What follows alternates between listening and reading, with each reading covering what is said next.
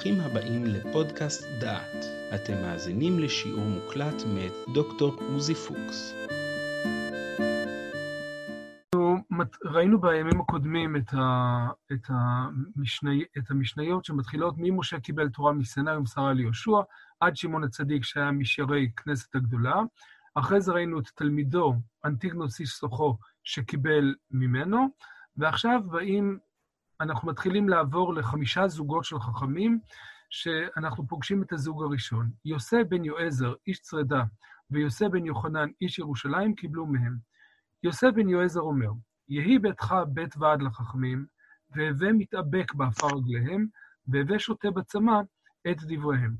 לפני שאנחנו נכנסים לעניין של, של המשנה עצמה, אני רוצה להקדיש, וחלק גדול מהלימוד שלנו היום יוקדש לעניין הזה של הזוגות והזמן שלהם והשלב הזה במסורת התורה שבעל פה. מה זמנם של יוסף בן יועץ איש צפדה? ונחזור אחורה. ראינו את שמעון הצדיק ודיברנו על האפשרות ששמעון הצדיק הוא-הוא שמעון הצדיק שמוזכר בספר בן סירה כנראה במאה השלישית-רביעית לפני הספירה, שלישית לפני הספירה, אולי שנייה שלישית לפני הספירה, ואחרי זה ראינו את אנטיגנוס איסוכו, ודיברנו על ההלניזציה, על השם אנטיגנוס, שאנחנו שומעים את הצליל ההלני בדבר, והשאלה מה זמנם של יוסף בן יועזר איש צרדה ויוסף בן יוחנן איש ירושלים, כלומר, מה זמנם של הזוג הראשון. אני רוצה להתחיל באיזושהי השערה, שהיא מאוד, עם הרבה מאוד סימני שאלה, אבל בכל אופן היא מעניינת. ההשערה הזאת קשורה למדרש שמופיע בבראשית רבה, על יקים איש צרורות. אני קורא רק את השורה הראשונה. יקים איש צרורות היה בן אחותו של רבי יוסף בן יועזר, איש צרדה, ואז מסופר כאן על סוס שהשורה התחתונה שלו זה שיקים איש צרורות, מתכנן להוציא להורג את רבי יוסף בן יועזר, איש צרדה. ומי זה יקים איש צרורות הזה, ו- ומה זמנו? לפני, היסטוריונים כבר העלו את ההשערה שיכול להיות שיקים איש צרורות זה קשור לכהן גדול ידוע בתחילת מרד החשמונאים. אני קורא מתוך ספר מכבים א', פרק ז', מסופר כאן פחות או יותר על אירועים בשנת 160 לפני הספירה. אני קורא: ויבחר המלך את בקחידס מרעי המלך, אשר משל בעבר הנהר, והיה גדול במלכות ונאמן למלך. וישלח אותו, ועכשיו מה שלענייננו בעיקר חשוב, ואת אלקימוס הרשע, ויקיים לו את הכהונה, ויצב עליו לעשות נקמה בבני ישראל. כלומר, מכיוון שהיהודים מרדו, אז הוא ממנה את מושל עבר הנהר וממנה מישהו מהחבורה שלו, אדם בשם אלקימוס, שהוא כאן מקבל את הכינוי הרשע, והוא נותן לו את הכהונה. כלומר, כאן אנחנו פוגשים לראשונה את הכהונה הגדולה, שמתחילה להפוך להיות מינוי פוליטי, או, או בהמשך זה יהיה גם כלכלי, ולא, ולא משהו שעובר מדור לדור על ידי הכהנים. והוא נשלח כאמור לעשות נקמה בבני ישראל. ובאמת, אני מדלג לקטע השני, לפסוק 16, ויאמינו לו, ויתפוס מהם על, על קימוס הרשע 60 אנשים, ויהרוג אותם ביום אחד, כדבר אשר כתב אותו, שר חסידיך ודמם וכולי וכולי.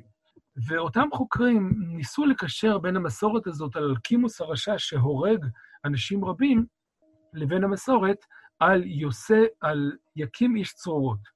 אם אכן מדובר פה שאלקימוס הוא יקים, ואם מדובר פה על זה שיקים פוגש, או הוא קרוב משפחה של רבי יוסף בן יועזר, ולו קרוב משפחה לא כל כך נחמד, והוא מתכנן להוציא אותו להורג, הרי שמדובר פה על זמנו של רבי יוסף בן יועזר, פחות או יותר ב-160 לפני הספירה. זה לפחות, זה הניסיון למקם את הזמן שלו.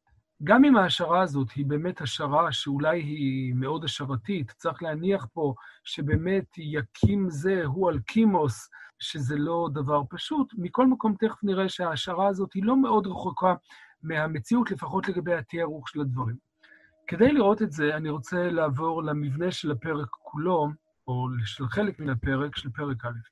יש לנו כאן שורה של, ה, של ה, את כמה משניות הבאות, ממשנה שאנחנו אוחזים במשנה ד' ועד משנה י"ב. ואני קורא פה כמה דברים מרכזיים. יוסף בן יועזר איש צרדה, ויוסף בן יוחנן איש ירושלים, קיבלו מהם. זאת המשנה שאנחנו ראינו, ויוסף בן יועזר אומר, יהי ביתך בדבר לחכמים, ויוסף בן יוחנן אומר, יהי ביתך פתוח לרווחה. זה הזוג הראשון. הזוג השני, יהושע בן פרחיה וניתאי הארבלי קיבלו מהם, ואז כל אחד מהם אומר מימרה. קיצרתי אותם. יהושע בן פרחיה אומר, עשה לך רב וקנה לך חבר וכולי, וניתאי הארבלי אומר, הרחק משכן רע.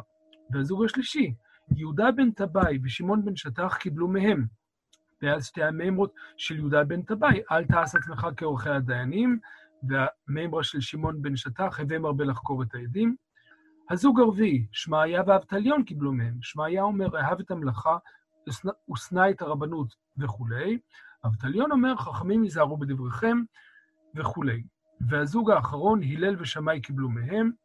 הלל אומר מה שהוא אומר, שמאי אומר מה שהוא אומר. אלה חמשת הזוגות שמופיעים לנו כאן בפרק א' של מסכת אבות.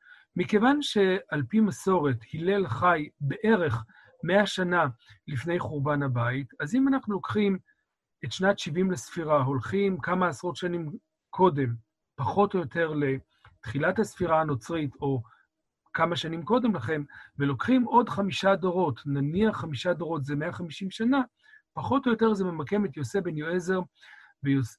איש דה ויוסף בן יוחנן איש ירושלים, פחות או יותר בזמן המרד החשמונאי, פחות או יותר בשנים 160 לפני הספירה. אז זה, זה עניין אחד.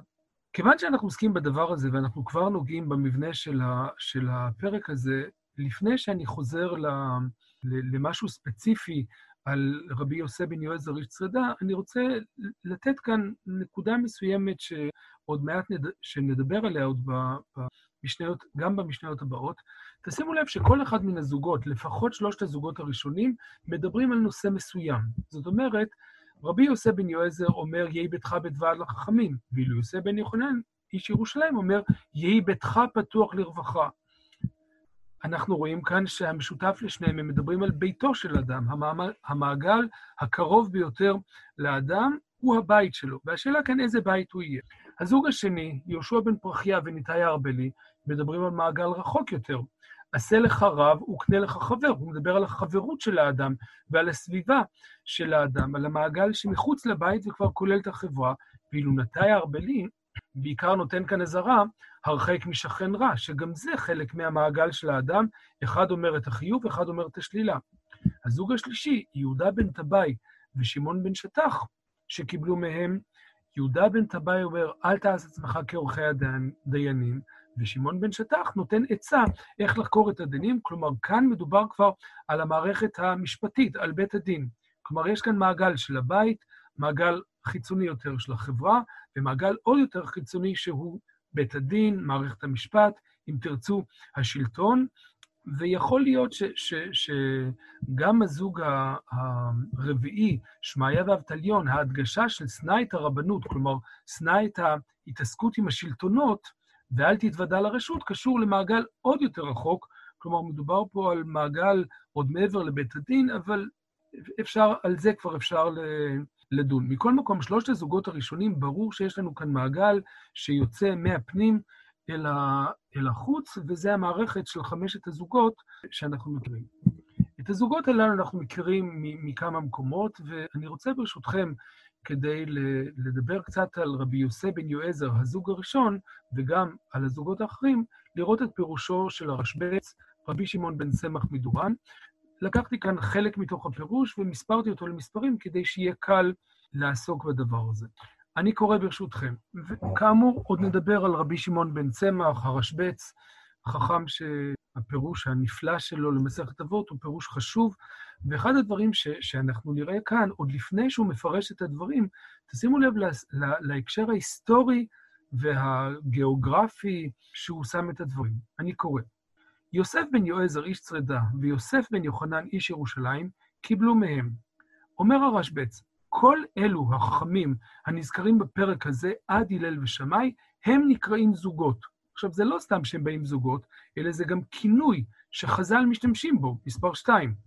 כמו ששנינו בסדר זרעים, במסכת פאה, אמר נחום הלבלר, כך מקובלני מרבי מיאשה, שקיבל מאביו, שקיבל מהזוגות שקיבלו מהנביאים, הלכה למשה מסיני. יש איזושהי הלכה בהלכות פאה, שיש עליה דיון, ואז נחום הלבלר בא ואומר, יש כאן מסורת שהיא מסורת ותיקה ותיקה, היא עוברת דרך הזוגות ומגיעה עוד קודם לכן עד הלכה למשה מסיני. מכל מקום, הרשב"ץ לומד מזה שיש לנו כאן כינוי.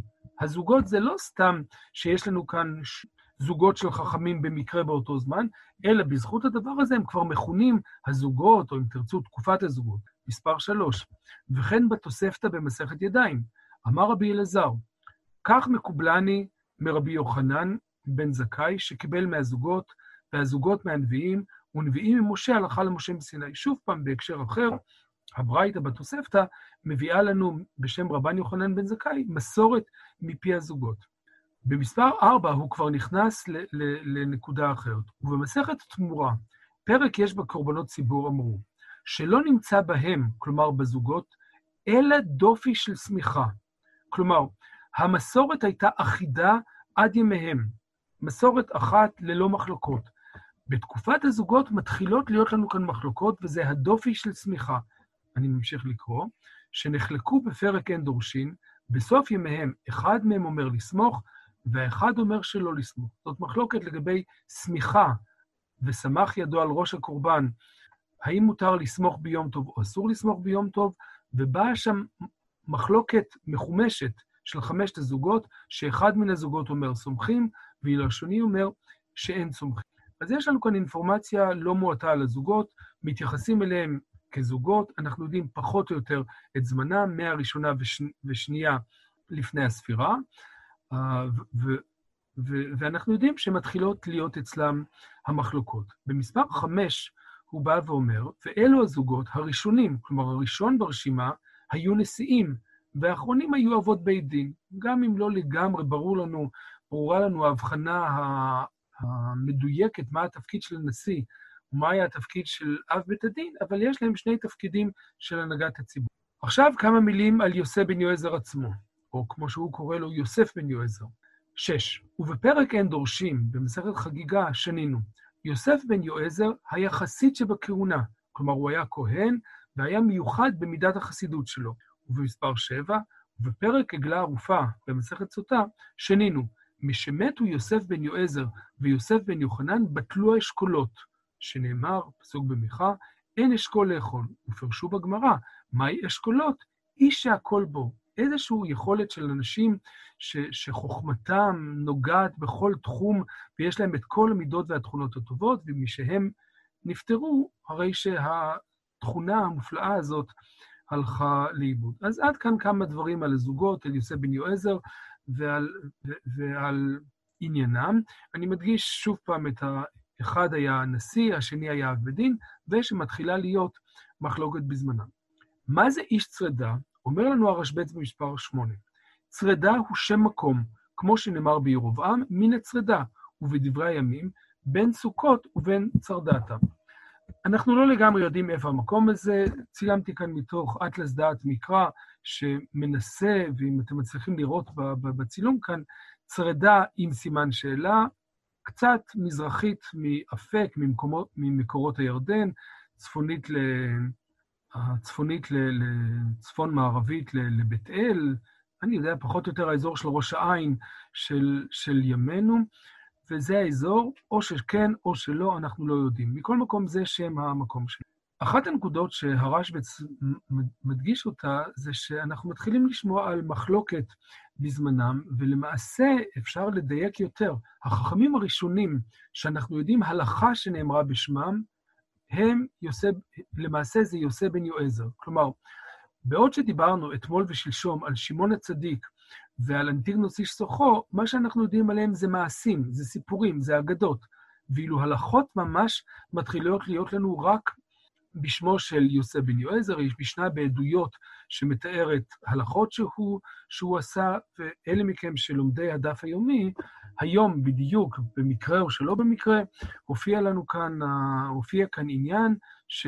דתניא, יוסי בן יועזר איש צרדה ויוסי בן יוחנן איש ירושלים, גזרו גזרות מסוימות, גזרו טומאה על ארץ העמים ועל כל כלי זכוכית וכולי, כך שבאמת מדובר פה על חכמים שאנחנו מתחילים לדעת עליהם איזשהו משהו, על שמעון, על הצדיק, על אנטיגנוס, על אנשי כנסת הגדולה, אנחנו רואים מסורות מאוד מעורפלות, ואילו כאן, פחות או יותר 160 לפני הספירה, אנחנו מתחילים לשמוע הלכות שנמצאות בשמו של אדם מסוים. אנחנו עוברים, אם תרצו, מהעולם האנונימי אל עבר העולם של חכמים שמתחילים להיות נקובים בשם.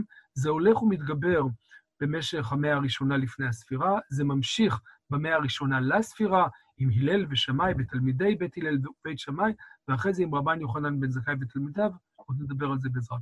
אני רוצה מעט לגעת גם בתוכן של המשנה, ואני חוזר אליה. המשנה דיברה על כך, המשנה דיברה על כך שיהי ביתך בית ועד לחכמים, והווה מתאבק בעפר רגליהם, והווה ושותה בצמא את דבריהם. על כך אומרת המסורת באבות דרבי נתן. מה זה יהי ביתך בית ועד לחכמים? דבר אחר. יהי ביתך בית ועד לחכמים.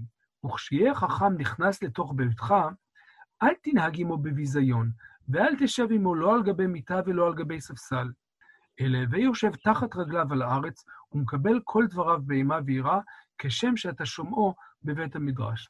כאן הדרשן עומד על בעיה שהיא בעיה ידועה ומוכרת בהרבה הקשרים.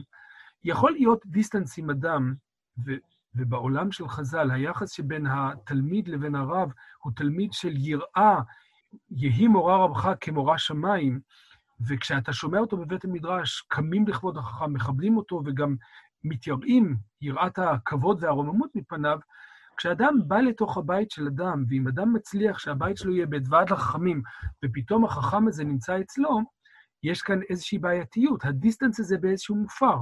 ואז על זה אומר הדרשן, וכשיהיה חכם נכנס לתוך ביתך, אף על פי כן, אל תנהג, עמו בביזיון, לא בביזיון לבזות אותו, אלא אל תהיה סחבק איתו, אל תהיה קרוב מדי.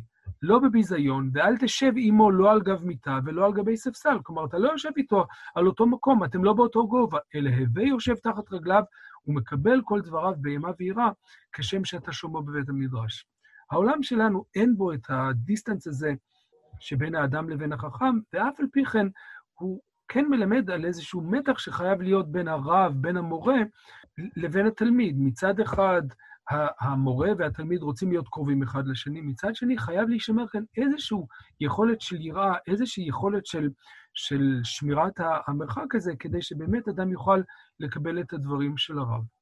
אם אנחנו, זה אחד ההסברים שמופיע בעבוד רבי נתן. אם אנחנו חוזרים כאן למשנה, זה מאפשר לנו כאן למעשה שתי קריאות בדברים. יוסי בן יועזר אומר, קריאה ראשונה, יהי ביתך בית ועד לחכמים, למה יהי ביתך בית ועד לחכמים? למה הבית שלך צריך להתאפיין בזה שהוא מקבל אורחים, אבל לא סתם אורחים, אלא אורחים חכמים, כדי שתוכל להתאבק באפר רגליהם וכדי שתוכל לשתות בצמא את דבריהם. כלומר, אדם צריך שהבית שלו יהיה בית של חוכמה, בית של, של לימוד, בית של תורה, כדי שהוא יוכל ללמוד, ואז באים וממליצים לו, כל כך תרצה ללמוד מהם עד שתתאבק באפר רגליהם ותשתה בצמא את דבריהם, כן? וודאי שהווה שותה בצמא את דבריהם זה דימוי, אבל הווה מתאבק באפר רגליהם יכול להיות שכפשוטו, ישבו על הרצפה ליד האבק של הרגליים של, ה, של המורה. זאת אפשרות אחת של קריאה. הקריאה שאבות דרבי נתן מציע היא קריאה ששומרת על איזשהו מתח מסוים. יהי ביתך בית ועד לחכמים, אבל למרות שהם נמצאים בבית שלך, הווה מתאבק באפר רגליהם, והווה שותה בצמא את דבריהם. כלומר, אל תיתן לזה שהם נמצאים איתך בבית, אל תיתן לזה שהם שותים איתך ואוכלים איתך, שגם הדבר הזה יהיה עד כדי כך חברותי, שמאבד כאן את המרחק ואת הפער הזה שבין הרב לבין התלמיד. אני מנסה להדגיש את, ה... את הפירוש השני, מכיוון שהתחלתי כבר ואני אמשיך עוד בהמשך, חלק מהמאמרים במסכת אבות משקפים כאן לא רק איזשהו דבר הרמוני, אלא דבר, ש, אלא דבר, ש, אלא דבר ששומר כאן איזשהו, אלא דבר, אלא דבר ששומר כאן איזשהו מרחק, אלא דבר, ש, אלא משהו ששומר כאן מרחק. כלומר, כאן יש כאן שני כתבים. כותב אחד הוא שהבית שלך יהיה בית ועד לחכמים, ואף על פי כן המרחק הזה וה... הצורך הזה במרחק, או המרחק הזה שיש לו צורך, יצליח להישמר. סיימנו בזה את משנה ד', או מעט ממה שיש לדבר על משנה ד'. שמעתם שיעור מוקלט מתוך קורס על פרקי אבות מאת דוקטור עוזי פוקס. את הקורס המלא ניתן לשמוע באתר דעת במדור פודקאסט.